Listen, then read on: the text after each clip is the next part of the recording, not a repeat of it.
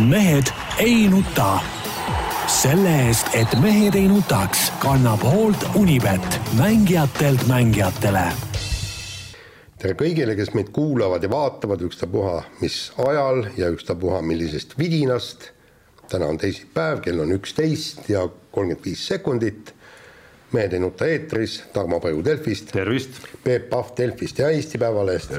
Jaan Martinson Delfist, Eesti Päevalehest ja igalt poolt mujalt.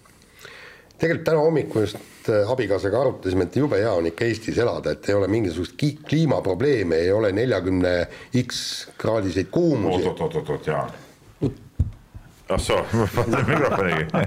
aga mul pole tarvis, ma räägin nii kõvasti, et, et, et. mis oot-oot? ei, oot-oot, noh kohe näha, et sa Rally Estonial kükitasid seal ERM-i äh, raamatutoas. kas oli üle neljakümne kraadi ei, aga sa ütlesid, kliimaga pole probleeme. Mina nägin äh, umbes, sõitsin läbi üks korda viis või kuus sellest kohast, kus äh, kuulus tornaado oli puid keskelt pooleks purustanud ja, ja katuste peale kukkunud puud ja möllanud seal, nii et ütleme, meil kliima, ütleme, nähtusi ei ole, see on nagu täiesti vale. muide, see jällegi, vot nüüd ma, nüüd Peep juhatas nagu sellesse teemasse, mida ma tahtsingi rääkida. et meil on, räägivad, et meil on tormid ja tornaadod ja kõik, kõik, kõik need seoses selle kliimamuutusega. mis oli kuuekümne kaheksanda aasta torm oli või? Äh, kus pool, pool, pool jah, kuuskümmend kaheksa, pool Eesti metsa äh, maha võeti, siis kahe tuhandendal aastal oli, olid samasugused äh, tormid, kus, kus ikka kahjustused olid märksa suuremad kui praegu, aga toona nagu toona nagu minu meelest ei olnud seda CO2 kõik õhud täis no,. oota, oota, oota, oota. ma küll ei pannud selle trombi puhul ka tähele, et seda oleks väga nüüd kliimamuutustega seostatud. Nad räägivad ja muide, tead, mis üks huvitav asi on, internetis ringleb Skandinaavia kliimakaart. Ja üks on aastast tuhat üheksasada kaheksakümmend kopikatega. Ja teine on siis kaasaegne. Ja mis vahe on, vahe on selles, et seal on noh, temperatuurid niisugune kakskümmend kuus ja niimoodi kakskümmend seitse ja vana kliimakaart on, vaata seal need kuumad kohad on lihtsalt kollased, noh, hea soe on kõik nii olla. ja nüüd on täpselt samad temperatuurid, aga nüüd on punased, ehk siis tulikuum. et enne oli see kakskümmend kaheksa kraadi oli noh lihtsalt soe. no, jah, aga, aga, aga nüüd seal on siis ilmakaardil kujutatud nagu ma ei tea, nagu mingis Sahara kõrbes kakskümmend kaheksa kraadi. ei, seal oli, ma mäletan ka, ma ei mäleta, kas meie või portaal või, või Postimees või kes see kirjutas, üks päev ma vaatasin just, no mitte üks päev, no see sel suvel, ütleme mingi päev, oli siis äh, temperatuur oli äh, kakskümmend kolm kraadi ja siis äh,, siis kirjutati sellest ka kui kuumusest, tead noh et, et no see oli Õhtuleht, ma ei mäleta, ütles, kui mingi eestikeelne koht oli, mõtlesin, et, et, et, et kuumalaine nagu, et tuleb ja vaatasin, võtsin veel oma iPhone'i lahti, vaatasin, et kõik päevad olid seal kakskümmend kolm, kakskümmend kaks, kakskümmend neli. et noh, mis kuumalaine siis on, see on normaalne suvesoe. no see... kui pikka aega on alla, ma ei tea, no kevadel on esimene kakskümmend kraadi tundub juba kuumalaine. ei no seda küll, aga ei, see oli kindlasti nüüd suvel. ja eks neid piire nagu nihutatakse, nagu sa tead, Peep vana ajakirjandusinimesena pealkirjades selline noh, poolega liialdamine siiski noh, ma, mulle meenub vana Õhtulehe tegevtoimetaja, tänaseks kahjuks lahkunud äh, Tiit Lehiste, kes ikkagi, kelle kuldne lause oli, et pealkirjas poolega võib liialdada. nojah. Mitte, et ma sellele oma tabrood annan siin praegu jah, aga nii on, tähendab enne olid need, see soojus oli tingitud sellest, et oligi lihtsalt soe, kliima oli selline, aga nüüd on täpselt samasugune soojus tingitud siis sellest gaasist ja jurast, mis no, me õhku paiskame. ja no ma saan aru, et sa tahad seda kliimateemat väga kahtluse alla seada, aga noh, ma, ma ei tea, mis graafikut sa vaatasid, aga ma võin saata sulle omalt poolt siis Eesti mõõtmiste ajaloo, mis ütleb ikkagi, et kõigi aegade kuumemad aastad miskipärast on kõik nagu ikkagi viimastest kümnenditest. ja kõik otsi, otsi üles interneti külge on millennium warning või midagi niisugust, eks. ehk siis tähendab tuhat aastat tagasi, tähendab eelmisel aastatuhande vahetusel olid temperatuurid Euroopas oluliselt kõrgemad, kui nad praegu on ja isegi kui praegu prognoositakse ja, ja, ja näiteks äh, Briti saartel oli äh, viinamarja kasvatus väga hea viinamarja kasvatuspiirkond, mida, mida praegu ta kindlasti ei ole. ja, ja, ja miks siis to, toona noh, ma ei kujuta ette, et tuhat aastat tagasi väga autosid oleks olnud ja ja, ja põlevkivijaamu. mi- mingit sellist kuuma nüüd ka pole olnud, ütleme see korra siin oli mingi nädal Ei, oli no-, oli väga palav, aga no kuumalainest me räägime Euroopast praegu siukest, muidugi. ei tea, mis meil sest Euroopast tead, me oleme siin tead Eestist. meil võiks kruttida natuke pigem juurde. ütleme No praegusega nagu- võrreldes, aga nagu valatud Ei. muidugi kohe, kui mu puhkus läbi sai, krutitigi natukene nagu Kakskümmend- timmiti juurde kenasti nagu sinna kahekümne peale. kakskümmend neli on kõige ideaalsem temperatuur minu arust. Äh, ma lugesin siis, kui meil oli see, meil ja Soomes ka olid need kolmkümmend pluss kraadi, lugesin Helsingi Sanomatest ühte lugu, mis siis rääkis sellest või kus õigemini sealsed, ma ei tea, tervishoiuinimesed rääkisid sellest, et meie On äh, 14, piirkonna inimese kõige ideaalsem temperatuur on neliteist kraadi, siis sureb kõige vähem inimesi, vigastusi kõige vähem, kuumarabandusi kõige vähem, süda ütleb üles kõige vähem, nii et äh, tegelikult tuleks selle nädalavahetuse ilmaga tromm välja jätta väga rahul olla. ja aga, aga tegelikult noh, ega mis see neliteist kraadi, see on jumalast tippab pilm juba, lühikese püksiga kannatab okei, ta ei ole nüüd et sa lähed nagu mõnuga ujuma, seda, seda muidugi ei ole, aga ütle siuke mõte, kakskümmend kaks, kakskümmend neli seal vahel, ütleme kakskümmend kuni kakskümmend neli, kõige ideaalsem. jah, ja, ja, ja kusjuures point on selles, et ta võiks temperatuuri hoida nagu õhtuni, mitte nii, et õhtu kukub mingi kaheteistkümne peale järsku tead, noh et, et, et istud õues ja, ja, ja nagu eilegi oli, jõudsin suht hilja eile koju, sest et koristasin autot peaaegu tund aega peale Rally Estonialt tulekut, mitu tolmuimeja žetooni lasin läbi, et saada autot sellest sodist puhtaks, mis sa jalgadega sisse tassid. kartulikrõpsud ja ei, ei, see on, vaata märg oli, eks ole, ja see Aa, okei. kruusapinnas jäi kõik, jäi kõik ja, ja ma rumala peaga unustasin panna äh, need talvised kummimatid ja jäid need riidematid, vaata, need võtavad ju kõik külge. Ja sa kurat nüüd, vabandust jah, nühid selle, selle asjaga ja, ja noh, tolmuimejaga ära ei tule lihtsalt küljest, et noh, et vaata siis ma jõudsin hilja õhtul koju suhteliselt ja siis äh, väike Preili seal äh, tahtis õues ka veel äh, toimetada ja näidata, mis ta seal päeva jooksul õppinud on ja teinud on mingeid trikke ja värke ja siis ja siis ma istusin seal ja tõesti tundsin, et järsku temperatuur kukkuski mingisuguse kaheteist peale, et, et läks nagu niiskeks ja jahedaks, see on nagu Eesti, Eesti suveõhtute juures kõige suurem miinus minu arust. aga, aga mul on ikkagi alati lõbus, vot ma käin ju seal äh, Kataloonia rallil ja oktoobrikuus ja seal on niimoodi hommikul, kui sa lähed äh, ralliparki, noh, niisugune kella kaheksa paiku nii, et siis ongi just niisugune neliteist, viisteist kraadi, noh, niisugune mõnus jah, jahedus, eks. ja siis, kui, kui kõik need vabatahtlikud ja väravavalvajad ja kõik, neil on kindad käes, neil on Joped seljas, suu- jah. joped seljas, suusamütsid peas ja, ja nad ikka lõdisevad veel selle juures no ei, no kui sa paigal istud, seisad, siis selles temperatuuris lähebki jah. no anna andeks, no kuule, pluss neljateistkümnega sa ei pane ju villaseid kindaid kätte ja suusamütsi pähe. Tarmo muidugi paneb, Tarmo käib salliga mul on. polstrit vähem võib-olla natuke sellepärast lihtsalt. No aga kasvata polstrit. hakkab nagu jahe jah. Kuule, sellest ilma ei jurast, jah. lihtsalt äh, teema kokkuvõtteks, lühikesed püksid juba läbi käisid, siis ma ei tea, kas te teate, me, meist on vahepeal Tiktokis staarid ka saanud. meie olen lühikeste kursis. pükste. Olen kursis, et seda on päris palju oodatud. on jõudnud lausa Tiktoki, nii et see on kõva. nii, räägime rallist. käisime Rally Estonial. ja noh, põhimõtteliselt seal oli põhiline jututeema oligi see, et, et kas on kunagi olnud veel samavõrd igavat rallit ma. segan korra vahele igaks juhuks, et Delfi uudised Tiktoki kanalilt saate näha seda, nii nüüd mm.. et ühesõnaga, et kas, millal oli viimati nii igav ralli, sellepärast kui tavaliselt algab kulgemine pühapäeval, siis nüüd algas juba eh, kulgemine eh, laupäeva lõunast ja, ja, ja noh, põhimõtteliselt kujutage ette, on MM-ralli, mehed peaksid sõitma võidu. Ja siis laupäeva õhtul teatab äh, Hyundai, nagu inglise keeles on, meie keeles Hyundai, maailma teine rallitiim, maailma teine rallitiim. Ja, ja rahulikult Irine Vill räägib, et ei, ei, me tänast päeva kasutasime testimiseks, et ma ma proovisin siin erinevaid amorte, erinevaid seadistusi, erinevaid diferentsiaale ja ei noh, täna oli testipäev. no mida pekki, aga põhjus väga lihtne, Toyota eest ära ja Toyotade sees ka ei ole konkurentsi, sellepärast et Elfin Evans lihtsalt ei saa Kalle Romantperele vastu. ja, ja praegu tundub, et ainukene, kes saaks Romantperele vastu, on Ott Tänak, aga ta vajab samaväärset autot.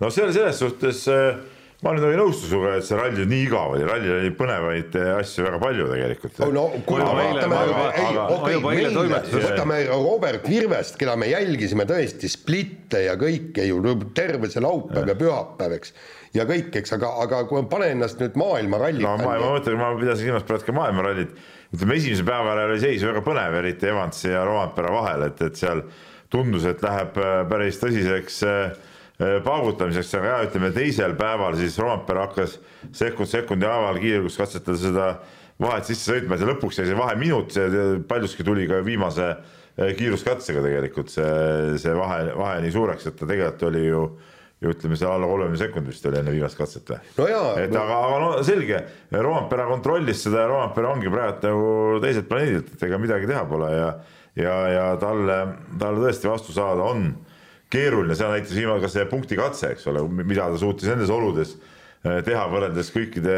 teiste sõitjatega. ja, ja see on nagu, vot see on nagu äh, WRC sarjal nagu väga suur ohumärk, et kui, kui tekib niisugune nii võimas ülemvõim nagu, nagu see aasta Romperal on, et siis, äh, siis üldine huvi jah, selle asja vastu võib kõvasti langeda. no mõnes mõttes on see ka ju spekulatsioon, Jaan, et sa ütled, et äh, Ott Tänak oleks ainus, kes võrdse auto korral saaks ei, see on spekulatsioon, see on spekulatsioon, me ei ja. tea, võib-olla enam ei, võib-olla enam ei saa isegi Ott Tänak talle vastu. nojah, aga, aga näiteks selle viimase punkti katsega ma arvan, et, et Roandpera ühesõnaga püstitas purustamatu rekordi. see on muide nagu Kristiina Smiguni käes on ka üks rekord, mitte, mitte keda, mitte kunagi ei purustata ilmselt et ta võitis sprindisõidu viieteistsekundilise vahega järgnevate ees. et no suusasprinti, noh, see, see on võimatu ja täpselt samamoodi punkti katse võita kahekümne kahe koma kahe sekundiga, ma arvan, et niisugust asja enam ei tule. teine koht kaotab sulle kakskümmend kaks koma kaks sekundit, noh. nojah, aga noh, ütleme seal seal muidugi tuli arvestada need ekstreemsed ilmastikuolusid, eks ole, ütleme okei okay,. kuigi, kuigi Evans ja Rompera vahet see ei mõjuta. oli väike, aga ütleme Evansi seal mõni auto seal või tähendab Roompere mõni auto varem sõitnud, aga noh, need olud igal juhul nagu muutusid, see oli, see oli ilmselge. jaa, aga Evansi, tähendab selle nelja minutiga ei muutunud olud nii, et sa saad kakskümmend kaks koma kaks sekundit kirb, kusjuures seal jagatakse ju punkte. ma saan aru, et oleks niisama viimane kiiruskatse, kus mitte midagi ei selgu, noh, üks mees lihtsalt otsustab äh, nüüd võidu sõita, aga ja, ja teine, kus kohas ju Rompere vahe sisse tegi, oli ju äh, reede õhtul ja samuti äh, äärmiselt kehvades oludes, kui ta, kui ta oli, äh, oli ju miinus kümme, oli, äh, oli Evansiga ja selle katse lõpus oli pluss kümme talle juba ja, ja, ja kusjuures. see oli ka muuseas see vihmakatse. vihmakatse, aga ta nägi, ta, et selja taga. et tema, tema sai veel sõita normaalsetes oludes, ta oli ees, eks ole, jah ja ja aga noh, teistpidi vaadates isegi see, et ta esimesest stardikohalt äh, reedel enne seda viimast katset oli nagu ainult miinus kümme sekundit, noh, see ongi juba nagu noh, stiili näide, et me kruusarallidel ei ole harjunud ju sellisega. ja, aga ütleme nagu ka palju kuigi puhastusefekti ei olnud jah, nagu. puhastusefekt on väiksem ja, ja kui, kui teed olid ka niisked, siis seda, seda vähem seda, seda vahet sealt sisse tuleb, aga ei, ei, igal juhul see on kõva ja, ja ma olen absoluutselt veendunud, et kui autoga midagi ei juhtu, siis Soome rallil võidab Roompere surm kindlalt seda ära, noh, seal ei ole mingit variantigi. ja aga teine asi, et, et, et kus on see, selle vennal nii tohutu enesekindlus, et sa paned nihukest ketsi tõesti viimasel punkti katsel, kui sul ei ole absoluutselt vaja sul no, ei ole. no aga kui sa tunned nii kindlalt ennast seal roolis no,. no auto on hea, ise tunned kindlalt. olud olid ju niivõrd libedad ja kõik, seal võib absoluutselt kõike juhtuda ja, ja, ja pagan, ta on tõesti niivõrd kindel et, et temaga mitte midagi ei juhtu nendes libedates oludes, kus väga paljud olid seal nii, nii-öelda kraavi poole teel ja mõnel juhtuski ei tea, mul vägisi tuleb see kartus sisse, et siin me ei räägi nagu sellest, et see on nagu ühe hooaja mingisugune noh, see on nagunii läinud, see hooaeg on ju kokkuvõttes vaadates, et siin, siin ei ole ju mingit varianti, kui ei hakka juhtuma lihtsalt nagu mingit, ma ei tea, mis ebaõnne jada Kalle Roandperel. et kas, kas see on nagu nii-öelda nagu pikema valitsemisaja algus? no see on absoluutne algus, me pressikeskuses viskasime nalja, et et järgmised, kui Roompere tahab, siis järgmised kakskümmend aastat valitseb, mille peale Jaan ütles, et õnneks ma lähen pensionile äh, varsti, et, et ei pea seda mm., seda nii pikalt nagu kajastama. Kuigi me... oli, oli ka Kostus Käeli, kes arvas, et tüüpilise noore inimesena ta võib-olla kolm-neli aastat viitsib võita ja siis valib mingisuguse uue ala endale, et, et ei, et ei hakka seal kakskümmend aastat möllama. ja kusjuures Postimehe äh, kolleegid tõid ka väga hea näite, James Hundi äh, vormel üks venna võttis esimese me meistritiitli ära ja siis pühendus narkootikumidele ja, ja. no nüüd maalisite Kalle Rovanperale muidugi nagu eriti hea võrdluse ja, ja tumeda nagu plaani tulevikuks no,, aga okei okay,, aga noh, autospordis tõsi, on nagu igasugu huvitavaid väljakutseid, kui ühel hetkel igavaks läheb, et ega okei okay,, me ruttame nüüd ette, aga noh, kui ta neli aastat niimoodi võidab nagu Rally Estonial, siis, siis muutub see võitmine ka üsna igavaks, ma arvan no kuule, aga kui see igavus toob sulle mingi viis, kuus, seitse miljonit eurot iga aasta äh, sisse, noh, ma oleksin nõus igavusega. okei okay,, aga no ikkagi me ruttame natuke ette, ma arvan, et äh, kõige suurem küsimus, mis äh, no meile kirjade näol tulnud korduvalt ralli ajal ja ralli järel äh, meie saate postkasti mennet.delfi.ee või Facebooki, äh, mis on äh, noh, ma arvan, et nii meie kui kõikide rallisõprade huulil on see, et, et mis jutt see nüüd siis Hyundai leerist kostuma hakkas ralli käigus ja ralli järel, et äh, probleemid on teada, kõik on justkui selge, kõvasti on kaardistatud mm., nii edasi, nii edasi, nüüd on vaja hakata tegema, miks siis ei tehta, mis ei, siis, mis, mis seal toimub? kui sa nüüd jälgid, oled jälginud, ma olen käinud järjest siin, oled rallisid praegu kajastamas ja seda, et probleemide olemused on teada, on äh, ka Ott Tänak rääkinud ju mitmel, mitmel rallil. mis on nagu see suurem probleem, äh, nagu Ott äh, ütles finišijärgses intervjuus, et, et jah, suuri muudatusi on tarvis teha, aga mitte isegi tehnikaga, vaid eelkõige siis nagu üldisemas asja, plaanis ja, ja tegemist on ikka see tiimi juhtimisega kui sellisega, et ei ole leitud korralikku tiimijuhti, et praegune mees on ikka niisugune nagu aseaine või, või kohatäitja ja ja, ja, ja kogu see mm, planeerimine, tegutsemine, kõik see on, on lihtsalt nii nõrgal tasemel, no ja see ja selle taha see kõik ongi jäänud noh. Jah, no põhiliselt vot seal ongi see, et, et äh, ta ei julge ette võtta suuri asju. Ja, ja noh, nagu, nagu see Ott ütles väga reljeefselt, ütles, et me kogu aeg kaardistame, kaardistame, nüüd oleks aeg hakata ka tegutsema et sul on kõik täpselt teada, nii, nüüd tee. Ja põhimõtteliselt seal, nagu ma saan aru, ongi see auto vaja äh, laiali lammutada, uuesti kokku panna, aga, aga, aga juba siis nii õigesti ja mugavamalt. Neuvilil samasugune, ta ütleb, et mina ei suuda selle autoga sõita, noh, kiiresti ei no kõigil, kes Hyundai'ga sõitsid, no ega Oliver Solberg ka nii kehv mees nüüd ei ole no.. no aga, aga, aga, omad, omad aga no noorel mehel, kui tal veel autoga ei ole üldse ja, mingisugust ja. sõprust ja autol on sada häda küljes, no siis need võimenduvad ju veel rohkem, sellepärast osaliselt ma arvan, siksib ka seal ikkagi nagu täiesti valgusaasta kaugusel. ja, ja põhimõtteliselt noh, nagu, nagu öeldi, et nad on fundamentaalsetes kohtades äh, eksinud. no ehk siis, ehk siis kui Jaan siin eelmises saates äh, noh, rääkis ikkagi sellist nagu suhteliselt äh, hullu teooriat siin sellest, mis, äh, mida võisid Terrino Vill ja Ott Tänak rääkida Hyundai bossiga kohtumisel ilma Hyundai tiimijuhita. et noh, siis. aga ta ei ole tiimijuht, ma tuletan meelde, ta on tiimijuhi KT, KT.. et siis, siis noh, see teema sai olla ainult see ju noh aga, aga, aga noh, küsimus on nüüd, et mis nüüd edasi saab siis ikkagi, kas vahetatakse ta välja, on seda uudist oodata kas kuskil lebab võimekaid no tiimijuhte no rallimaailmas? see sõltub äh, Hyundai ütleme siis juba tehasest või tiimi omanikest. ja, ja teine asi on see, et ega kindlasti ei ole neid häid ja pädevaid tiimijuhte niivõrd varnast võtta. et ja, ja, ja see ja saad aru, uus tiimijuht tuleb, tähendab, ühesõnaga ta peab kõige, kõigepealt selle probleemide olemusest äh, aimu saama, sest tema hakkab ju vastutama ja siis mingisugusel hetkel ta peab hakkama siis selle nii-öelda auto ümberliikluse ette võtma. no see, jumal, see ei ole üldsegi nii lihtne, aga no Adamo tagasitulekust vist ei tasu unistada. ta tervise tõttu lahkus, nagu ta on öelnud, siis ma ei tea, raske näha või äkki on hakanud süda valutama? ei, ei ma praegu sellesse hästi ei taha uskuda. nii, aga no ütleme Virvesest pidime rääkima no., et Virve, Virves siis tegi vägeva rekordi, et äh, võitis äh,, ma siin kirjas kuusteist siis ta võitis seitseteist kiirust. seitseteist on vist jah. et, et ja lõi sellega siis Sebastian Ogier rekordi või lööbirekordi, Ogier rekordi. Ogier rekordi jah. Et äh, no väga kõva saavutus, kakskümmend neli kiiruskasvu üldse oli ja ta oli ilmselgelt kõige kõvem mees selles juuniori, juunior WRC autos, kui poleks siis esimesel päeva lõpus olnud sihukest enda apsakat ja, ja vastu kivi sõitmist ja auto lõhkumist, kus ta kaotas väga palju aega.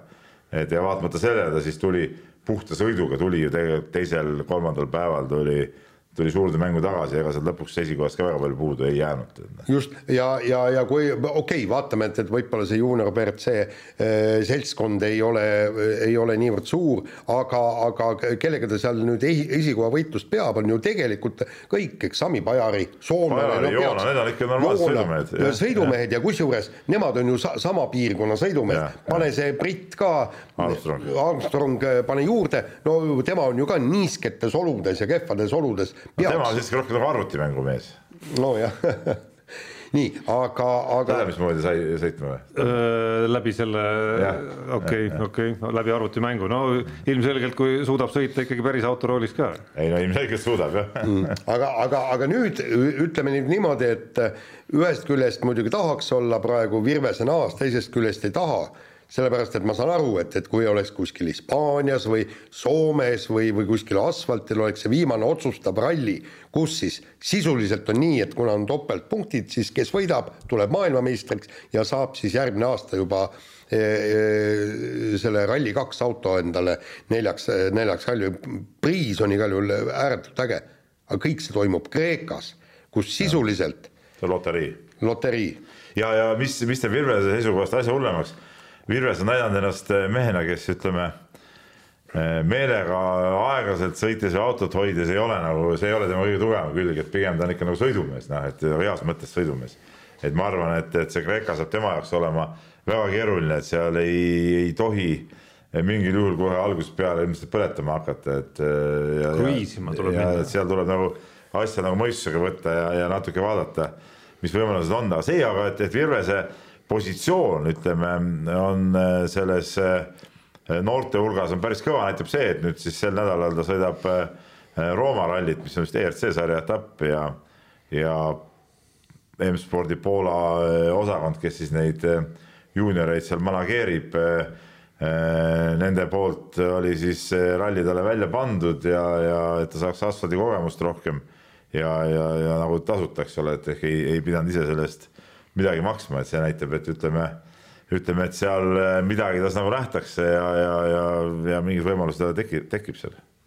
Egon Kauri kohta ka midagi? no Egon Kauriga tundub kahjuks nii, et, et ütleme, kui me mõtleme nüüd selle peale, et Egon Kaur on juba suhteliselt vana ja kogenud mees, et kui ta üldse oleks tahtnud WRC-s nagu veel mingit võimalust saada, siis ta oleks pidanud võitma Rally Estonia, oleks pidanud võitma Soome ralli, eks ole.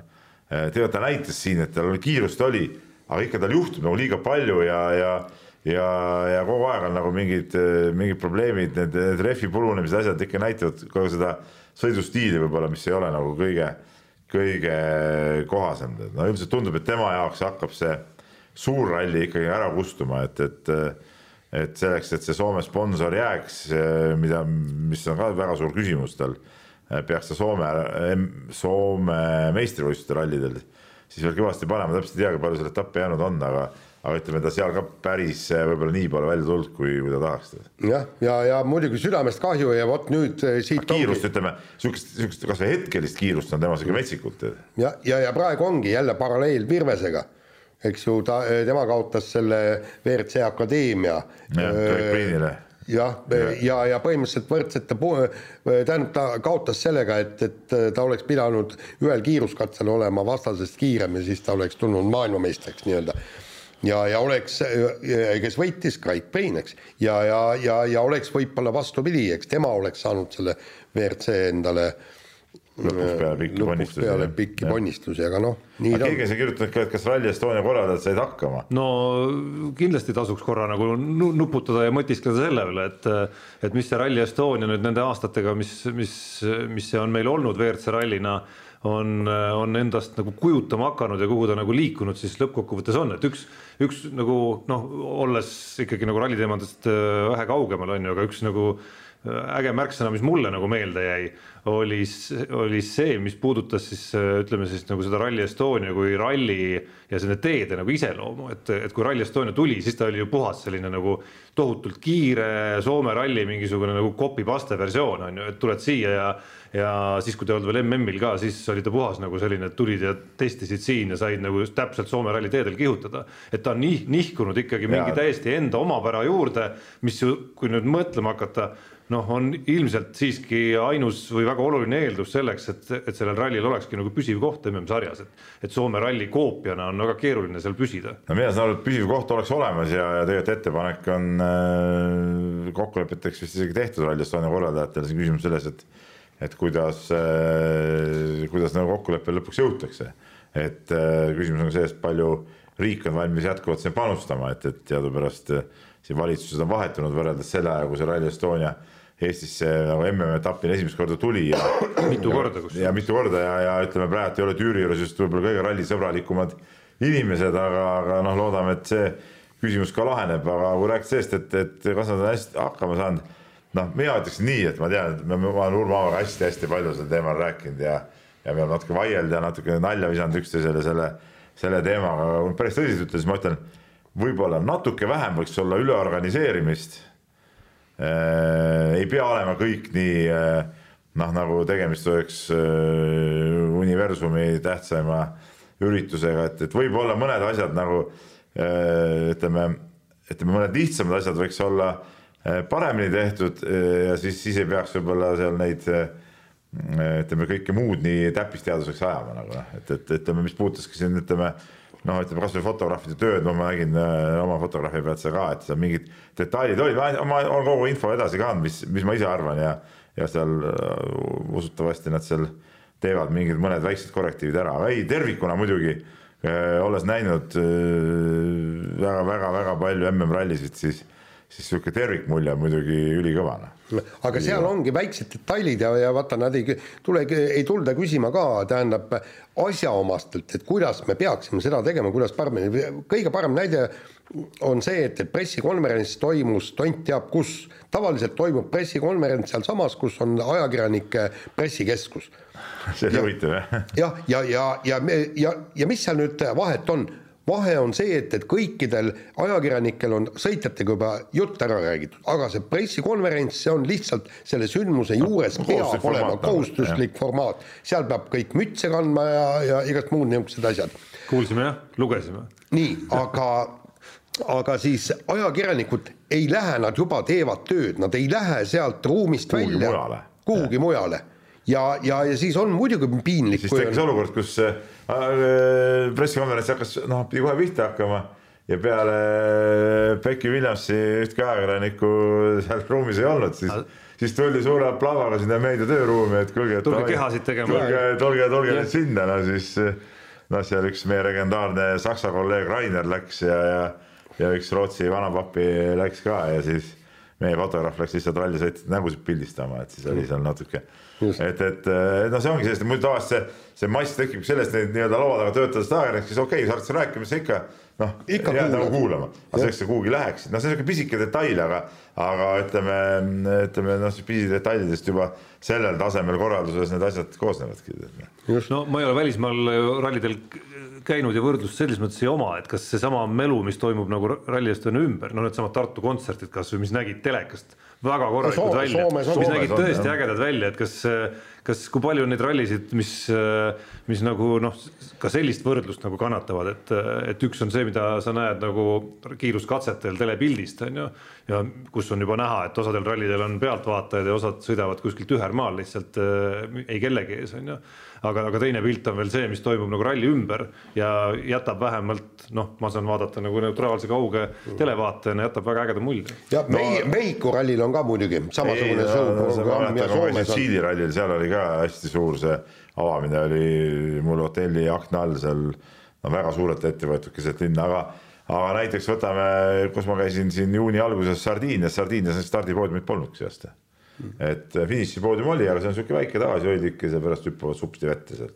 aga, aga ütleme, niisugust äh, vägevat stardipoodiumit polnud, no Portugalis näiteks noh, on see finiš, on finišipoodium on toodud ka sinna linna, sinna mere äärde, sinna ookeani äärde nagu ütleme, ka ilus, aga ütleme kindlasti mitte nii suurejooneline, et ja, ja ka Soome, kui sa ütled, jaa, Soomes on küll neid igasugu üritusi ja värke ja uh, -huh. ja, ja, ja asju, aga seal ka see poodium ja see kõik on ikka sihuke nagu lihtne, lihtne, ütleme võrreldes, võrreldes Rally Estoniaga, et et Rally Estonia igal juhul eristub äh, oma selle, selle muu, muu mudruga, mis seal ümber on, et, et äh, jah, noh, nagu nad on öelnud, üritavad teha ikkagi väga head asja.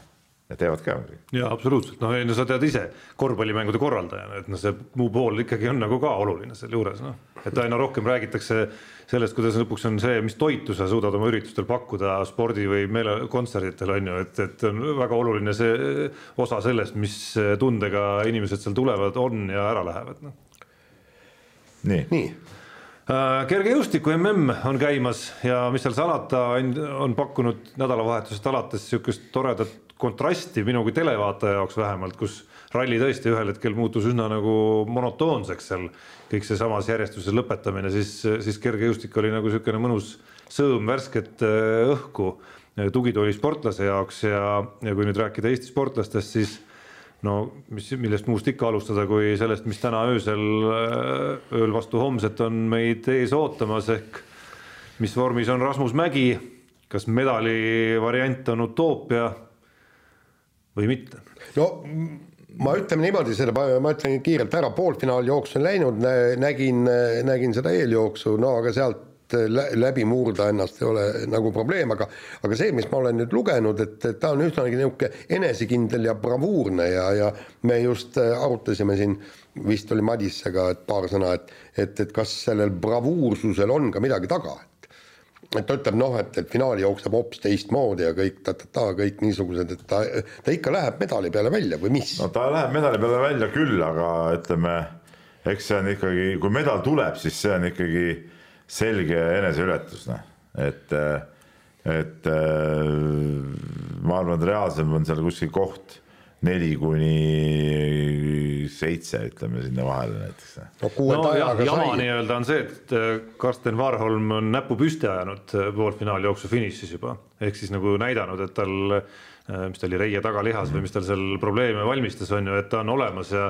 see tähendab ikkagi seda, et see medali latt ilmselt krutitakse sinna noh, ma ei tea, neljakümne seitsme algusesse ja, ja mine sa tea, võib-olla veel kaugemale isegi. no ütleme, Warhol ja see Brasiilia poiss, see Dos Santos, ütleme nende, no nendele ma ei usu, et on võimalik vastu hakata. no et, Rai Benjaminile. no ja no ma ja, ka ei usu. ka ikka keeruline, no seepärast ma ütlengi, et noh, pigem see oleks nagu ikkagi nagu ime. No jaa, aga me ei tea, mis Rasmus Mäes sees on samas ütleme, see poolfinaal oli jälle natuke mõnes mõttes nagu ärevust. sellepärast, et sa ei jäta meelega ennast nii-öelda viimaseks ja. ajaga edasipääsejaks, et selgelt ei, ta tunnistas mitte. ise ka, et see ei, et see ei olnud õnnestunud jooks tal. aga samas ütleme, tal oli poolfinaal oli ka kõva nagu ja. ütleme noh, ütleme seal kahe hulka tulla olekski olnud nagu ka väga tähendab väga kõvat jooksu, aga tundus nagu, et, et ütleme, et võib-olla need jalad ei olnud kõige paremad, no ta ise ütles ka, et võib-olla eelmine päev sai eeljooksus nagu liiga kõvasti pandud, noh nüüd oli nüüd oli nagu aega natuke rohkem taastuda sellest, et, see seis võib olla kõik muutunud. raske ütelda, loomulikult, loomulikult hoiame nagu kõvasti pöialt ja, ja ma sõidan muuseas homme väiksele minipuhkusele. ja, ja ma saan ilmselt lennujaamas seda, seda jooksu vaadata. aa, otse? otse, jah, sest ma, mul läheb lennuk läheb äh, viis nelikümmend viis. et, et äh, ma lähen kolmepäevasele väiksele, väiksele puhkusele ja siis ma saan jah, sealt ütleme vaadata. muidu võib-olla muidu võib-olla isegi, ei ma oleks vist ikka tõusnud niisama üles. vana, vana, vana kergejõustiku hundina. no viis, viis juba võrreldes kolmega, viis võrreldes kolmega on ikkagi inimlik. ja see on inimlik, aga ütleme selle äh, tütarlapse Bruusi kõrgushüppeks, mis hakkabki ju seal suhteliselt õhtuse programmi alguses, täna, täna ongi ainult õhtune programm, täna ju hommikust programmi ei olegi üldse. Äh, siis äh, noh, seda ma ikkagi no ikka kell kolm ikka jah, ei, ei jaksa. ei no aga kui sa viis oled lennujaamas, siis sa pead ju kolmest juba liigutama. ei, ma mõtlen tavaolukorras ja ei praegu muidugi, praegu ma näen nagu kõik rahulikult ära, tead noh. ei ole probleemi. Pole mõtet magama minna. no otseselt ei olegi jah nii on. no aga Karmen Pruusist äh, on väga paslik rääkida no,, et, et, et Jaani klassika enne suurvõistlusi nii-öelda lakmusena on ju alati olnud see lause, et et noh, olümpiate eel on see kõlanud Jaani suust vähemalt viis korda siin saate ajaloos, et tahaks minna olümpiale ja siis äh, võimalikult palju näha või vähe näha neid sportlasi, kes äh, peavad põhjendama, miks neil võistlus kehvasti läks. et noh, Karmen Pruus on nüüd nagu selle vastand siis, läheb elu suurimale võistlusele ja, ja teeb noh, eneseületuse ikkagi. minu jaoks oli see ikka super üllatus, sest et äh, just enne MM-i toimunud juunioride või U kaheksateist EM-il noh, sai ta seitsmenda koha ja, ja ei olnud nagu sihukest hüpet sees, et, et see, et nüüd MM-il, no võib-olla oli see, et tõesti sai pingevabalt seal võistelda, tal ei olnud mingit kohustust MM-il nagu, et see võimaldas tal tegelikult oma selle hetkevorm äh, paremini välja tuua nagu.. jah, et, et tegelikult olid ilusad ju hüpped ja, ja, näiteks see üheksakümne kolmest, kui üle sai, siis tegelikult noh, seal nagu ta ise ütles ka, et latt värises, et noh, et vedasid peale aga seal oli ta kehaga läks üle, jalgadega natukene puutus, et noh, see, see, see ei olnud nagu nii suur probleem, et, et et aga, aga, aga noh, ütleme niimoodi, ettevaatlikuks teeb see, et, et et vaatame, kes ta treener on ja, ja, ja minu jaoks on e-, eelkõige tähtis, et ta suudaks kesta üle kahekümne viie eluaasta ja, ja siis ka veel hästi hüpata. Me... nojah, et, et sealt Virude grupist ütleme ja on, see, see vastab muidugi tõele, et seal on, ütleme neid näiteid, et. Jaane Pintsaar.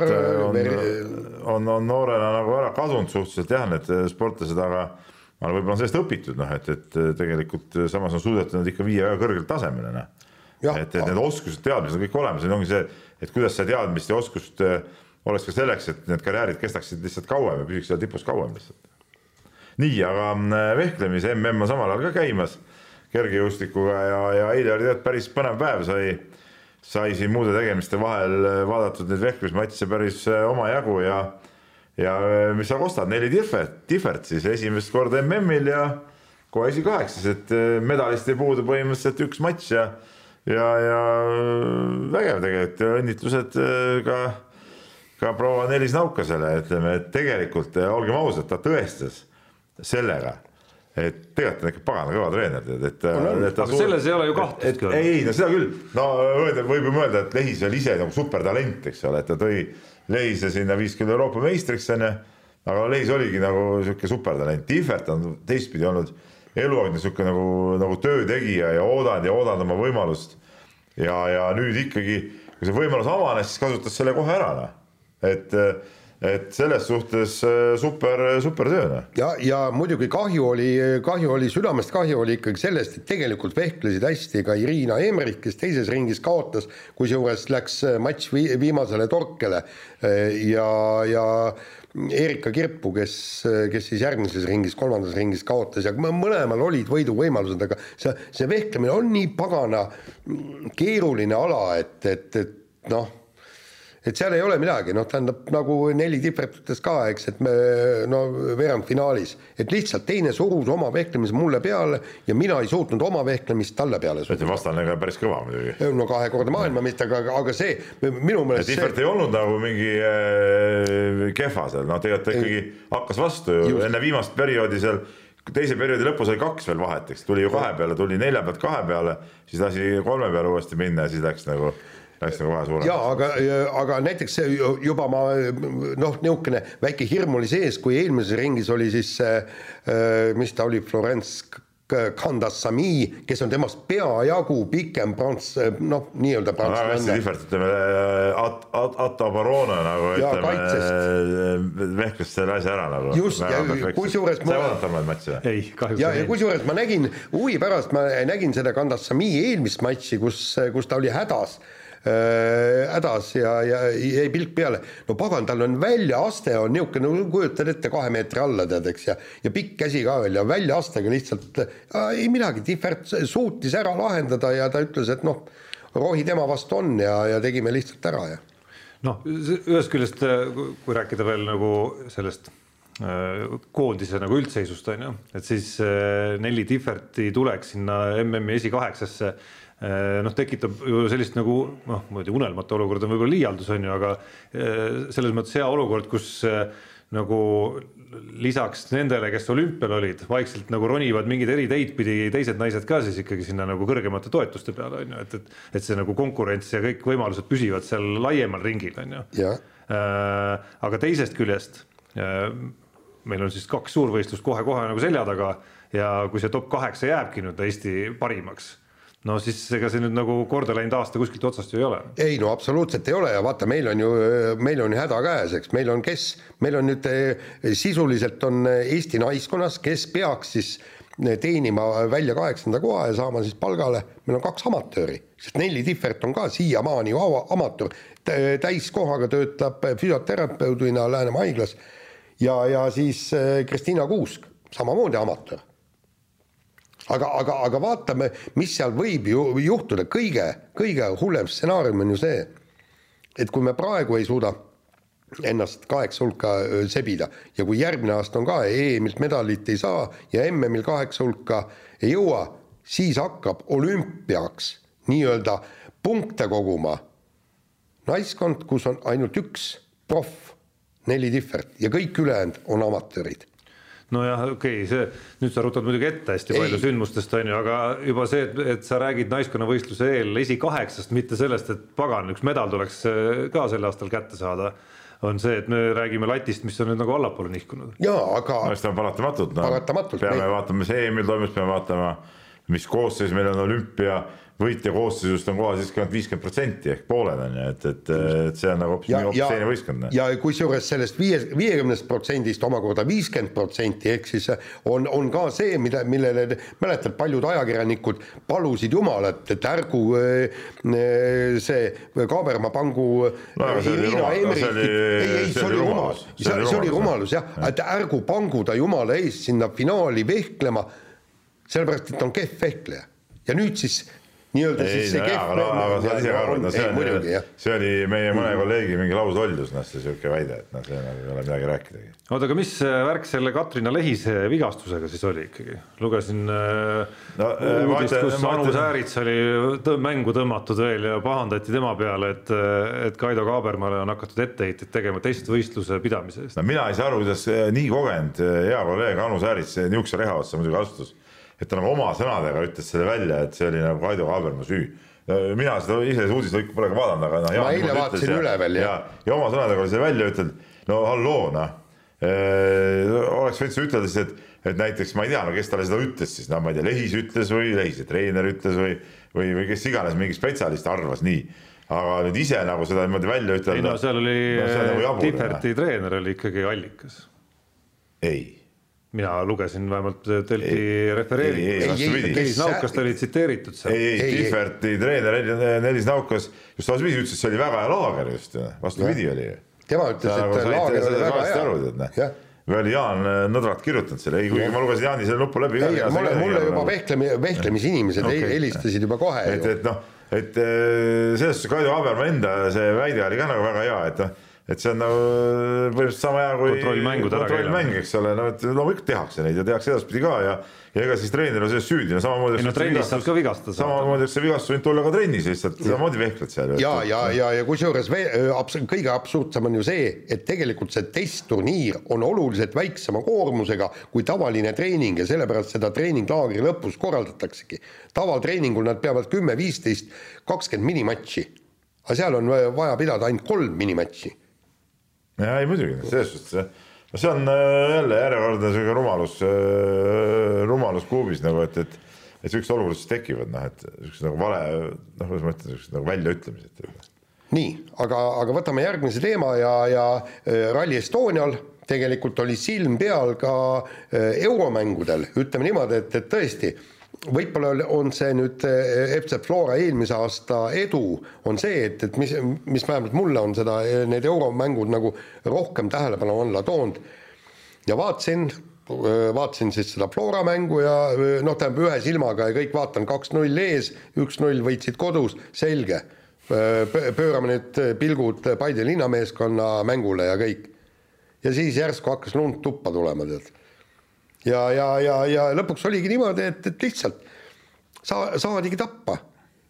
no see oli karm, karm äh, värk oli, et, et äh, niisugune lagunemine, noh, see, aga noh, niisugused asjad juhtuvad, noh, et seal oli nagu selgelt, äh, mulle meeldis, meil oli hea, hea meel, et, et sai, sai, sai Madis Kalvet sinna koha peale saadetud, et sai suhteliselt kohe nagu adekvaatse info ka, mida ka treenerid ja mängijad seal rääkisid ja ja, ja nii nagu treener ka ütles, eks ole, et see see üks olukord, kus sealt äh, tagasi löödi, eks ole, noh, need punased kaardid ja see, ja see mängu olemus järsku muutub ja sa ei saa enam äh, nagu seda laviini pidama, noh, et, et äh, et selles suhtes no ma tõin äh, meie koosolekul näite, ei, või oli see suure koosolekul, ei no tegelikult see oli, ei no see ongi niimoodi, sa ei saa. me oleme näinud seda ju. sa proovid teha igast asju, aga sa ei saa pidama seda enam, noh, ongi kõik, noh. et, et äh, ja midagi teha ei ole. no ja no, no selge, kui sa veel äh, kaartidega, punaste kaartidega aitad nagu kaasa, et, et nagu okei okay,, üks üheksaga, siis oled kahe kaardiga oled veel nagu kahe mehega vähemuses, et noh,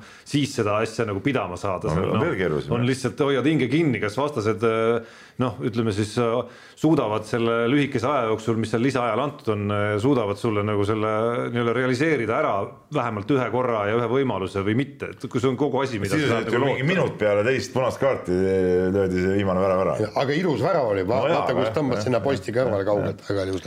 aga no, muidugi ütleme jah, seda mängu, mäng... seda mängu kahjuks ise ei näinud, kuigi oleks olnud põnev, aga et samal ajal sai küll aga vaadatud Paide linnameeskonna mängu, mis oli ka nagu väga põnev ja noh, natukene nagu vastupidise skriptiga, tõsi, mitte nii dramaatiliselt muidugi, et kolmeväravalist äh, allajäämist ei pidanud seal nagu tasa tegema, on ju. aga, aga mis jäi nagu võib-olla natuke tähele panuta, kas Eesti klubi on üldse kunagi nii kõva Äh, meeskonda.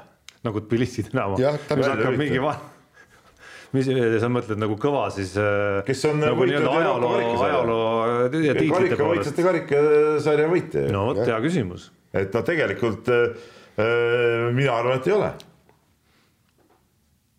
Keda Levadia siin üks aasta Euroopas edu saavutades võitis, ma peast no, ei mäleta. see oli mõni mõni eurosarja, endine eurosarja võitja. no võib-olla jalgpallispetsid öö, äh, otsivad kuskilt öö, äh, mingi statistika üles. ma hakkasin selle peale praegu mõtlema, tead, kui me rääkisime siin sellest. aga noh, samas, samas jälle tähendab, seal on noh, see penaltiseerias see, et, et võideti ja, ja saadi edasi, no tähendab, seal on asjade loomulik käik, on ju, eks, sellepärast et noh ütleme niimoodi, et, et väravaht pärast seda, kui meie te, temal külas käisime yeah. ja näi-, näitasime, kuidas tuleb penalti lüüa. et siiamaani see ei, ei, kümne aasta tagune. ei, ei siis, siis võttis Aksalu lõpuks endale, endale hakkas vaatama, et pagan küll, ma, ma, ma ei oska tõesti penalti tõrjuda. muidugi ei osanud, aga siis... ma mõtlesin seda, et, et kas tõesti Tbilisi Dünamo, ütleme, see latt on nii madalale, et ütleme, see on kehvemad mehed, eks ole, nagu meie, sest ütleme selge see, et Aksalule penaldi sisselöömine ei olnud nagu mingi probleem, lõdvalt. no see, ma siiski igaks juhuks juhin tähelepanu, ka selles seerias löödi sisse järjepanu, et see ja, oli nagu lisalööjatega. tõrjus ju. ja, aga noh, lõpuks viis tükki löödi sisse kõigepealt. nojah, aga noh, nii on.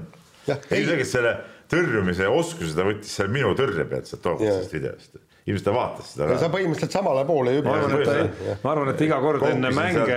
koukusin sealt välja. ma arvan, et ta iga kord enne mänge, kus on võimalus, et üldse penaltid tulevad, noh, karikasarja ja. formaadid, et siis ta nagu ikkagi selle meie kunagise lõigu vaatab Muidugi. üle, just sinu, äh, sinu löödud penalt. minu löödud penaltid ja minu tõrjed, et kuidas teha penaldi tõrjet. aga kui rääkida penalti löömisest, siis, äh, siis et, et seda kiidunurka natukene nüüd äh, Peep Pahvi pealt viia ka kaugemale. Et siis no midagi ei ole teha, eks meil on kõigil olnud ajaloos penaltiseerijaid, mida me oleme vaadanud. Ja siis äh, vaatame seal nii-öelda püüame mängijate näo ilmetest ja kehakeelest nagu välja lugeda, et ja, ja enamasti, kui mingid noored mängumehed veel siuksed rohelisemad tüübid satuvad sinna lööma, siis juba noh siis juba oma arust oled nii kõva mees, et saad juba aru, ai, ai, siin on nüüd nagu eksimus õhus, on ju. et mis oli äge selle võidu juures, oligi see, et, et Paidel ju kaks äh, noort poissi olid ka nende lööjate seas ja lõid ikka nagu väga kindlalt need penaltid sisse, et, et äh, ükskõik kui palju see aju tahtis seal nagu nendel hetkedel nõiduma hakata, et, äh, et pagan, nüüd on küll ohukoht justkui nagu õhus, on ju, siis ei, ei midagi väga,, väga-väga tublid poisid nojah, ja nüüd e-, euroteekond jätkub ja hoiame kõvasti pöialt, et noh, Levadia mängib edasi ja Paide ka ja, ja Paidele tuleb Eintracht vastu ja ma vaatasin umbes sama tasemega nagu. kas Paide armeenlastega ei mänginud? ei, ei, kui sealt edasi, kui võidavad. juba edasi? ja, ja ei, aga ma vaatasin, Eintracht tuleb vastu, aga noh, nemad on ka põhimõtteliselt, nad ei ole meistrite liiga, nad on ka võitnud karikavõitjate karika, et nad on põhimõtteliselt sama tasemega võistkond kui Tbilisi Dünamo, et, et sealt on kõik võimalused olemas, aga nüüd laseme kõlli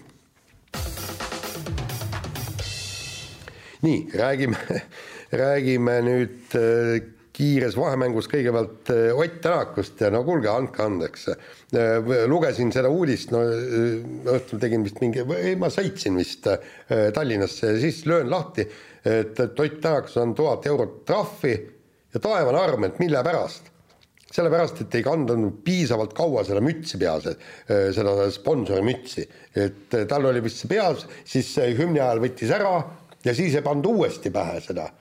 no siis läks juba šampanjaga pritsimiseks, noh no just, ja aga, aga siis, et ta oli vassinud ja siis need, et, et, et ta oli see müts juba enne märjaks saanud ja siis kujutad ette nüüd siis, need kohtunikud lähevad, võtavad selle video lahti ja hakkavad siis vaatama, et kas Tänakul oli eh, siis sai see müts märjaks või ei saanud, noh, no kuulge te,, tegelege ikka tõsiste asjadega, mitte mingisuguse tiluliluga. ja määrata nüüd sellest tuhat eurot trahvi ja kusjuures kolm tuhat on veel tingimisi, et kui ta järgmine kord ka mütsi pähe ei pane, siis, siis maksab see kolm tuhat ka ära. põhimõtteliselt nagu Ott Tänak peaks nüüd klambriga endale mütsi tead selle ei no olemuselt on see muidugi totter, noh, kõik see kõik see selline asi, aga teisalt jälle noh, kui seal on, ütleme, mingid äh, WRC sarja sponsorid, mille logosid nad tahavad näidata, siis see on ka nagu mõistetav. et kust see rallisõitja palk lõpuks tuleb siis? no jaa, kõik on õige, aga siis tee vähemalt hoiatus või ütle poisile, et kuule, ole hea vend. päris korralik trahv, okei okay,, võib-olla tuhat eurot no. vist,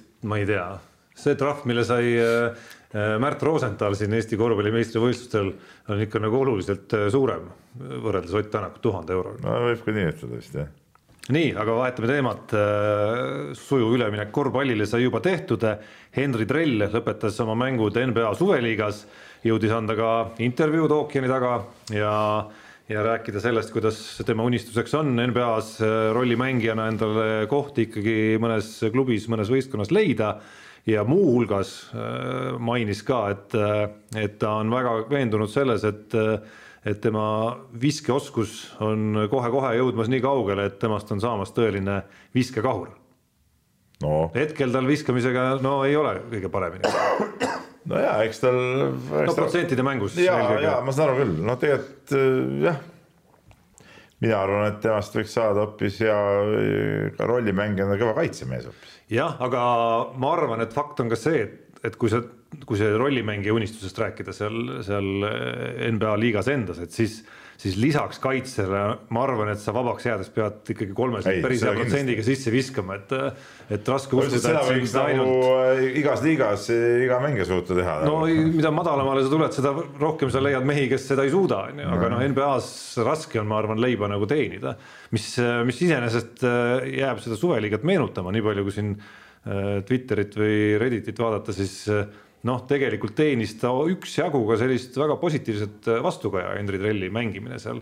no kõik need nimed ei ütle mulle midagi, kes seal kommenteerisid, aga noh, ütleme mitte, mitte päris võib-olla tavaline pealtvaataja, kes seal viskas, äh, viskas mingeid analüüse õhku seal, äh, mis mulje keegi on jätnud ja, ja Henri Trelli kohta seal mõned positiivsed sõnad täitsa tulid, viimane mäng küll, küll läks vähe, vähe aia taha, tundub ja sealt tuli, tuli ka teistsugust tagasisidet, aga, aga, aga tundub nagu jällegi nagu mingi sammukene edasi selle unistuse, unistuse poole. ei no kindlasti, see oli väga hea samm, et ta sai seal olla ja, ja mängida ja ütleme selle, selle G-liigi järel nagu seal jätkuvalt pildil olla, noh, ma arvan, see on väga hea. et selliste meeste konkurentsis, noh, kus on ja. siis kas äh, ütleme siis noh, mehed, kellest sa tead, et nad äh, kõrgete drafti valikutena hakkavadki juba NBA-s äh, noh, uuel hooajal juba arvestatavalt ka mänguaega saama või siis meeste konkurentsis, kes nagu võitlevad selle nimel noh, ei, ei, ei hakanud küll kuidagi silma, et ta nagu ei sobituks sellesse tasemesse ja konkurentsi. vastupidi no,. nii, aga lähme edasi ja Marko Krist oli meie omaaegse vuti kuru neljateistaastane poeg äh, Patrik sai siis noorimaks mängijaks, kes Eesti jalgpalli meistriliigas eales väljakule jooksnud ja ja noormees alles siis neljateistaastane ja sai juba tuleristsed kätte. no peab ikka päris kõva anne olema, et sellises vanuses äh, väljakule joosta ja see keha peab ka selleks nagu valmis olema. vaata seal, seal isegi noh, tähendab see, et, et sa, ka sina võid oma tütre kunagi platsile saata kuueaastase, seitsme-kaheksa aastasena ja, ja ja, ja öelda, nüüd on ta kõige, kõige noorem mängija, aga no selge see, et, et et, et seal, seal ei ole taga midagi, aga kui kodanik on mänginud ikkagi äh, kaheksateist mängu esiliigas, löönud ka kaks väravat, siis järelikult selgub, et ta on mängumees. ta ongi mängumees ja tõesti, ta väärib neid äh, väikseid minuteid, mis meistriliigas platsile sai jaa, raske lisada isegi midagi peale selle, et seda ootust juba ju mulle meenub juba eelmisest aastast. Vaikselt jalgpalliringkondades hakati kruttima, et, et millal siis, millal siis ükskord nagu juhtub jah, aga ma, ma loodan, et, et, et, et tõesti Patrick õpib lõpuks selle ka värava löömise, värava löömise sealt värava lähedalt ära, erinevalt tema isast, sest mul on e-, elu lõpuni on see moment meeles, kui, kui jäin mingisugune Eesti valusalt, valusalt nüüd vajutad siin praegu. no Eesti koondise mängule jäin nagu mõni minut hiljaks ja, ja siis kõik tulime siis sinna Kadrioru staadionile ja jõudsin, et no küsin, kas momente on ka olnud ja selle peale siis eh, Indrek Kannik ütles, et noh, eh, ei, siin ei ole, et, et noh, Marko Kristal sai ju kahe meetri pealt eh, palli ja värav oli tühi, aga noh, seda ei saa ju momendiks pidada. sellepärast, et Kristalil oli anne just sealt värava lähedalt neid palle mööda no ja, ja üle saata. ma tuletan meelde, et seitsmekümne viiendal aastal Euroopa parimaks jalgpalliks valitud Oleg Plohhin vist valiti Euroopa parimaks, oli, Tarmo mäletab? oli küll. ei, ma mäletan, kusjuures sõna mäletan on veel eriti oluline. ja, ja minu arust tema, mina mäletan sihukest olukorda, kus ta ühe meetri pealt lõi üle jah, ei, aga, aga vaata, tema lõi üks kord, aga, aga.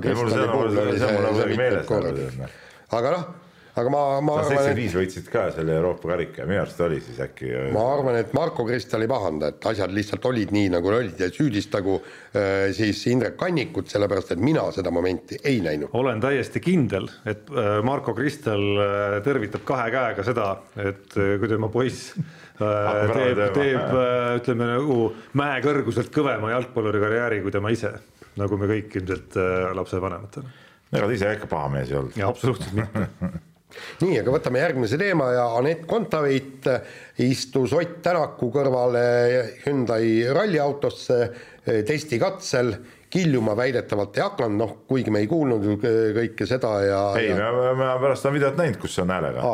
on ikka kiljus? ei olnud, ei olnud seal midagi. okei okay., nii, aga, ja siis ütles, et vaimustav sündmus ja kõik kõik eh, nii ja siis eh, noh, võiks ju arvata, et, et Hyundai niisugune hea masin, et läheb ja. Hyundai Getsi võtab endale. kusjuures seni ta sõitiski Hyundai'ga ise ka. ja, ja no täpselt nii ja siis ah.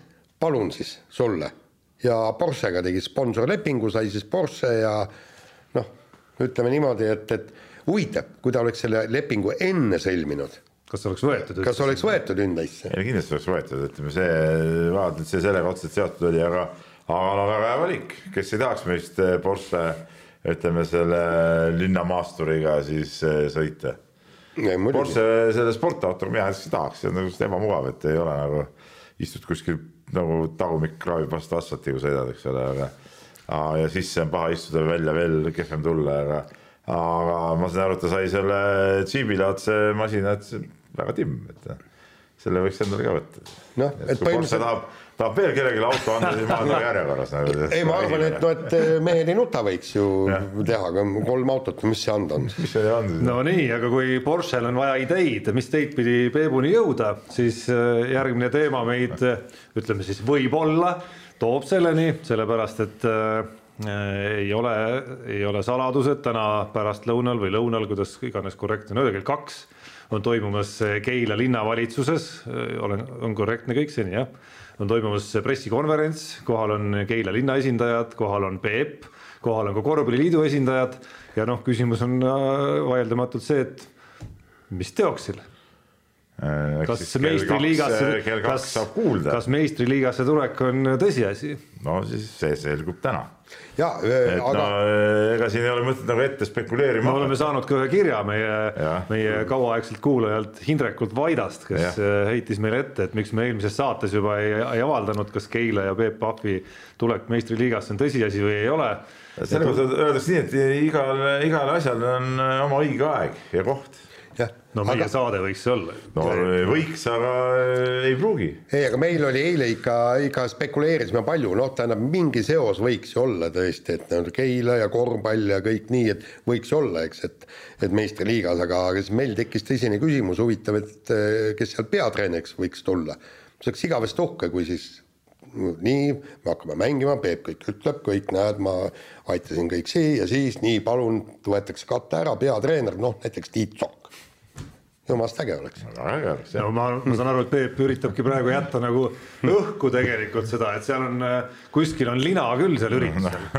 see, selle lina te võiksite sinna panna ja sinna alla ka kellegi, aga siis on küsimus, kas sa oled seal sina seal lina all või keegi teine, see alles nagu selgub, kuule no nii nagu super, sina, super idee nii, nii no.. nagu sina astusid kunagi, vaata kui sa tulid saatesse tagasi. Tagasi, siis ma tulin sealt katte taga. läbi mingisuguse kardina astusid sisse jah, jah.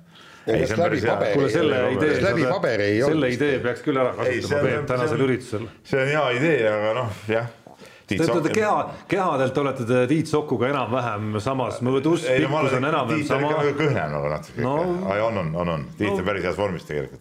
et ähm, äh, Tiit on vaba ka minu teada, et see oleks, see on täitsa võimalik. ei no teine variant on, et Siin on, et äh, kogu variante. seda kehakuju vaadates seal lina taga, paberi taga, noh et võidakse ka Andres Sõbraga sassi ajada. ei, variante on äh, väga palju, no ega siis treenereid on ju, treenereid on ju. Priit Vene on sinu mõõdus.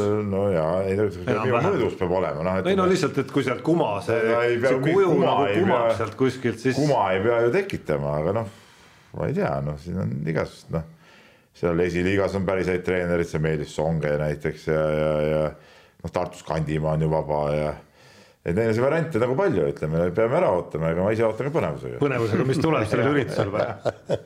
või noh, ütleme siis, kes iganes see treener on, võib ka mingi äh, autondusse tulles võib siukse Top Gear'i Stigi siukse nagu versioonina alustuseks istuda seal laua taga. kiiver on peas või? kiiver on peas Ah. ja siis ah,. ühel ja veel hetkel parem variant, et äh, ütleme, ütleme mingisugune Eesti klubi, ükspuha milline, siis võtabki endale peatreeneri ja see peatreener Terve ongi terve hooaeg. hooaja kiiver peas. jah, täpselt nagu Stig jah, ja täpselt keegi ei teagi, kes see ja on. siis vaikselt ainult kirjutab sinna midagi. kas kuskil peab olema nagu öeldud, et kiivrit või on kuskil, et kiiver ei tohi peas olla või? ei ole. noh, et minu arust see oleks ka väga hea. Ühtlasi ütleme, kui ke- kehvasti läheb, siis ütleme, see kiiver tõrjub ka fännide mädamuna, ütleme siukse rahe tead noh. no pluss saab alati öelda, et me lasime nüüd selle tüübi lahti.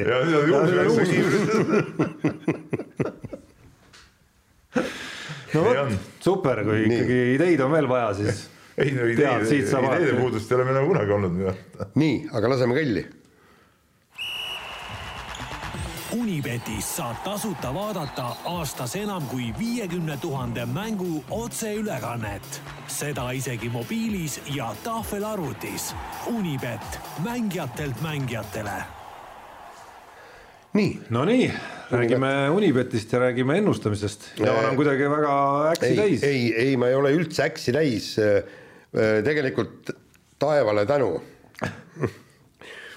ühesõnaga, ma mõtlesin, et panen Tänaku peale kõik ilusasti ma tean inimesi, kes panidki. ja, ja ma mõtlesin, et panen Tänaku peale. aga muidugi ma unustasin selle ära, et, et seal õhtul on see eh, paganama esimene katse on ju, eks.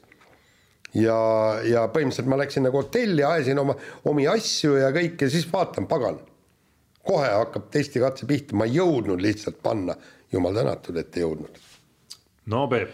no minul õnnestus väike võit saada. ai, oo, jee, jee, ütleme nii, et kümnest eurost sai kakskümmend neli koma null kaks eurot, noh, no see on täitsa kobe. jah. millega? tähendab. oli see juhuslik või oli see ikkagi nagu sihuke hästi Ei kalkuleeritud no tema- äh, ekspertiisi kalkuleeritud. ja oma, oma ikka spordiekspertiisi ärakasutamine? äh, põhjaliku analüüsi tulemusena. nii, kuulame huviga. ei no see, et, et mis siin kuulata, noh, võitsid need, kes pidid võitma. aga kas need, noh, sa loed selle välja või? või on ei ei suuda isegi hääldada ei, välja. ei hääldada ma küll, aga ma ei tea, kumb neist võitis ausalt öeldes. ei no siis oli selgelt ekspertiisi teema. no mul oli üks kahene rivi pandud, no kaks, kaks paari, see puudutas äh, tennisemängu. Aga jaoks täiesti, tundmatud. No selge. aga võit tuli. sel hetkel ma arvan, kui sa panid, sa nagu jagasid seda asja, aga noh, see uued asjad on peale tulnud. uued asjad on peale, ma ei jõua ja mul on praegu kakssada kaheksakümmend seitse eurot kolmkümmend üheksa senti. selge, no ma sain äh, ühe väiksema võidukese, kuulates eelmises saates, kuidas te rääkisite nii võimsat juttu, eriti Peep, jalgpalliklubist nimega Tbilisi Dinamo, siis ma panin äh, panuse, et nad võidavad normaalajal Paide linna meeskonda, nii et see oli nagu vägev win-win.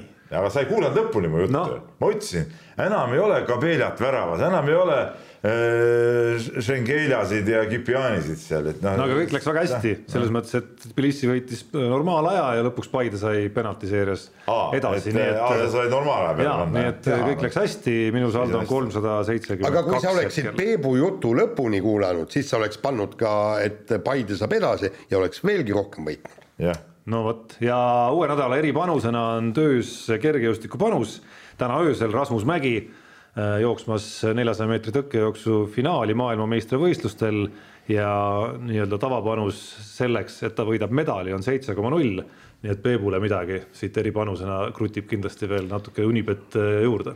mulle nagu nendel alade peale ei meeldi panna, mida ma nagu natuke nagu tunnen ka nagu rallit ei pane kunagi. no sa kogu aeg otsid panuseid, kus nagu saab võita midagi, noh et äh, ma ütleks, et Rasmus Mägi medalivõit on nüüd nagu, no, nagu vaata, igas mõttes ei, võit, kui nii läheb vot siin peab olema sihuke põnevus moment, panna nagu siis nende tundmatute peale ja siis nagu äh, rõõmuga avastada, et mul oligi õigus nagu. aga praegu ma Rasmus Mägi medali peale, nagu tõenäoliselt ma pigem, ma ei usu, et medali saab siis nagu siis ka nagu jälle sihuke ei ole nagu õige võib-olla. noh, keegi komistab, Varholm teeb vale stardi. Ja... Varholm võib, no vist midagi juhtuda, eks ole. ei, ei noh, variant väike on olemas, võib-olla panengi pärast, ma vaatan. muide, aga see soov... selles rivis ma võin öelda, on ta kihlveokontorites kuues mees hetkel. tuleta mulle pärast meelde et ja. Dos Santos, Warholm, Benjamin, Bassett, Rosser, Mägi, Hapio ja Haid, sihukeses järjestuses on kihlveokontoris see rivi. eks see on suhteliselt äh, loogiline, ma otsisin, ma otsisingi kohad ju neli kuni seitse. muide äh.... kusjuures eeljooksudega, kahe jooksuga, vabandust, Jaan, on, on toimunud nagu väiksed nihked siin, enne oli, kui, kui eeljooksu pole veel toimunud, oli Rai Benjamin esimene, Dos Santos teine ja Warholm kolmas ja nüüd siis on äh, Dos Santos esimene, Warholm teine ja Benjamin kukkunud kolmandaks. muide, soomlased äh, raalisid ju välja, mikspärast see Allan tegi vale stardi üks sajandik. ja, ja ma ei tea, kas te, teisel on kirjutatud, need kõlarid, kus pauk kostab, on sel MM-il oluliselt lähemal kui, äh, kui tavapäraselt on olnud, ehk siis helilaine jõuab sulle kõrva kiiremini. no aga ta enne ikka ei jõua, kui pauk käib jah, jõuab ikka. mis see jõuab, nii lähedal kõlar on, siis ikka käib, jõuab enne. päästikut tuleb ikka vajutada. ei no seal päästik on ja heli tulebki ju sealt noh aga sa läksid praegu tõnge. tuntud füüsikud siin koos, tuntud füüsi, füüsikud siin koos jah. kusjuures tema just tegi sellepärast, need, kes tegid veel kindlama vare lähte, nemad ei teinud. Ameerika jalgpall on nii terava stardiga. Noh. ei, ei stopp, seal oli näidatud, et e e erineva, tähendab e võrreldes eelmiste MM-idega on kõikide kõikide stardiajad äh, paranenud, tähendab keskmine stardiaeg on oluliselt parem kui eelmistel. aga kas teid ei häiri natuke see, et see, äh, see staadion on nagu selline nagu totter nagu natuke? nagu. vot need sektorid on sellised imelikus kohas, vaata, kus nagu ütleme meie. noh, ta ei ole nagu klassikaline ja, ja. suur staadionikatel nagu ja. see, kus ma hiljuti käisin Varssavis, noh näiteks on ju. et ta on nagu sihuke. mind, mind ei häiri. mind häirib jälle, et ta ei ole nagu klassikaline no samas teadmine, et ta on klassikaline. ei, nagu, nagu nagu kergejõustiku pühamu, aga kokkuvõttes ikkagi see nagu häirib natuke. minu arust sellist nagu pühamu aurat äh, õhkub sealt ka kuidagi kogu selles omapäras nagu. et kergejõustikustadion peaks olema ikka standardne. kinnine siis jah kuskilt ei, ei, no, tribüün ei lõppe ära kuskilt. ei, mitte see, nagu... ma mõtlen ka see, kuidas need viskesektorid, asjad asetsevad. selles mõttes, okei okay.. vot, nii, lähme kirjade juurde. Ja Jaanus küsib meie käest ja viib meid korraks tagasi vehklemise manu ja tuletan meelde, et Egiptuses on siis käimas vehklemise mm ja minule teadaolevalt ühtegi Eesti ajakirjanikku seal kohal ei ole. kas tõesti on nii tähtsusetu võistlus? no Jaan, mis sul enda õiguseks ütelda on? miks sa ei läinud sinna kohale? no see punkt üks, äh, keegi ei saatnud ei, aga tegelikult. Äh, kuule, ma oleks eeldanud ikka isiklikku initsiatiivi. ei, ei, äh, no olgem nüüd ausad, et vehklemisega on see probleem, et kunagi ei tea, kuidas läheb ja, ja ma, ma olen käinud küll nendel võistlustel. märgin ära, et Postimees käis ka EM-il. rääkis fotograaf Aero Luteriga, ütles, et päris nüri oli olnud, et kukkusid välja, midagi teha polnud rohkem tead ja siis sa seal ja. rullid niimoodi niisama. et see, see ongi paraku probleem ja teine probleem on muidugi see, et, et lugeja huvi on ikkagi ainult siis, kui on asi edukas. näiteks Tänakut loetakse ka siis, kui noh see ralli väga edukas tal ei ole, aga vehklemisega on ikka nii, kui medalit ei tule, siis klikk ei, klikk ei ole. nii ja küsimus tuleb ka kergejõustiku MM-i kohta, et äh, on pandud tähele, et äh, peale alasid pannakse siis äh, sportlastele kohe kaela medalid ja, ja küsitakse, et kas siis piduliku hümni kuulamist ja lipu viskimist ei toimu või on seal miski eripära seekord ja ma uurisin ka meie kohapeal viibiva äh, korrespondendi Märt Roosna käest järele, et järgi, et, et mis, mis see on ja see on siis nagu sihuke sümboolne medal, et pärast ikkagi toimub ka tavaline autasustamine, et see on nagu tõesti USA oma, omapära võib-olla natukest, et ka meie äh, nooruke reporter Madis Kalvet äh, meenutas, et need X-mängudel on ka ju, kus pannakse medal kohe kaela, aga ja. pärast toimub ikkagi päris autasustamine. kuigi need päris autasustamised jäävad kuidagi väga varju seal ma ütleks nagu täitsa, kui ma mõtlema hakkan nüüd nendele ülekannetele, võib-olla sellepärast, et hommikul saab öiseid natuke nagu keritud ka, aga ikkagi on kuidagi mingi nagu väga tunnetuslik mulje praegu, et nad jäävad suhteliselt varju. et nagu kuidagi oled harjunud olümpiamängudel, et, et kergejõustikuvõistlused katkevad nagu palju tihedamini. ja seda küll jah ja,. aga see on ka paras tüütus, et nad katkevad. jaa, aga alustamine ikka nagu pidulik hetk, minu arust see peab olema võimalikult pidulikult tehtud. jah nii, aga teadlane Priidik, meie ka väga-väga hea kirjasaatja on saatnud sihukese kirja, et seoses Vipsi teemaga on mitme nädala jooksul olnud arutelu all lubatu ja lubamatu piir.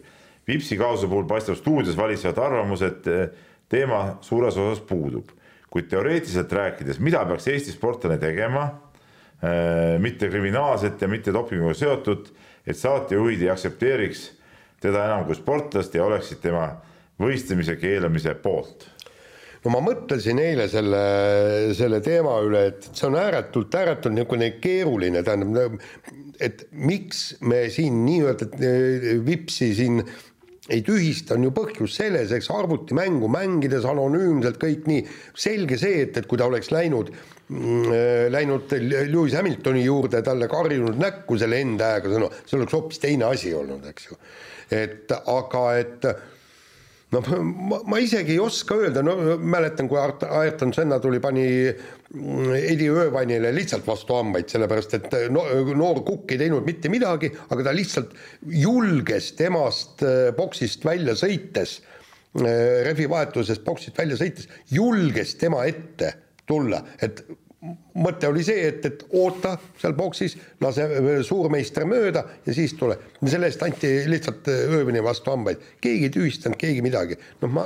vaata, vanasti mehed olidki mehed ikka, eks ole. ja aga, aga siin, siin nüüd tähendab no,. ei oleks seal täna ka, ma arvan, seal sellise asja üle seal toimub ju mingi motosarjades küll on mootorratturid kaklema läinud seal ja kaklevad kiivrid peas. kõik sõidavad edasi seal. ei, aga kas siis vastu hambaid andmine on nagu väiksem patt kui, kui arvutimängus mingi väljendi ütlemine või? no noh, ütleme miks me räägime sellest väljendist ja miks Priit saab meile kirjutada, et me ei näe nagu suurt probleemi, no ongi see, mida Jaan ju kirjeldas ja, ja kuhu see mõte ju esimesena lähebki, et kas me räägime nagu ühest libastumisest või sellest, et inimene oma süsteemselt oma käitumise ja väljaütlemistega ükskõik, kas ükskõik millises ruumis nagu täpsemalt on ju, no näitabki, et ta ongi, no näiteks antud äh, teemat arvestades nagu väga selgelt rassist on ju noh, ja ma arvan, et sellisel inimesel ei saa kohta olla ka vormelisarjas või spordi, spordimaailmas. aga kui nagu tervikut niimoodi küsida, siis noh ma tean, et üks Eesti äh, endine korvpallur on saanud vist eluaegse disklahvi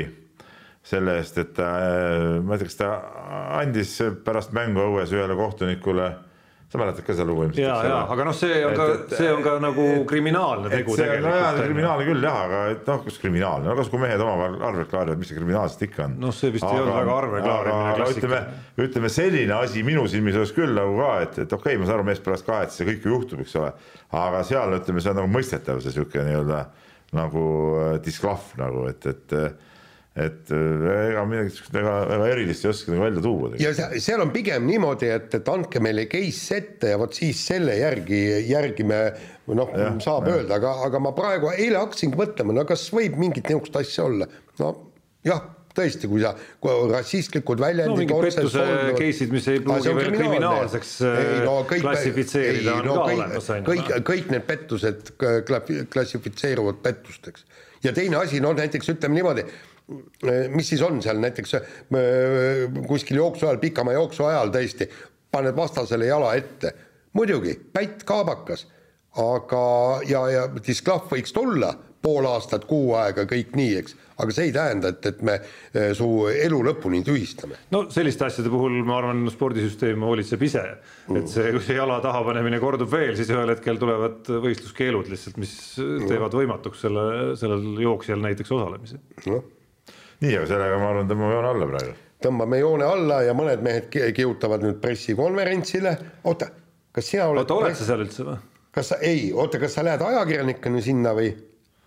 Äh, ei, okei okay., nii, Peep tormab Keilasse ja meie tormame. tehke see lina, linavärk ikka ära, noh päriselt ka. ja ei, no pange siis vähemalt kiiver pähe ja, ja keegi tuleb Jaa, siis teeme- võtab asju. võtab kiivri peast Pea ära või?. kõik ja aplodeerivad. sellest võiks video teha. ja, jah, jah, vaat kuule, top klikke, ja klikk on jumal. nii, sellega on saade lõppenud, nägemist mehed ei nuta. saate tõi sinuni Unibet, mängijatelt mängijatele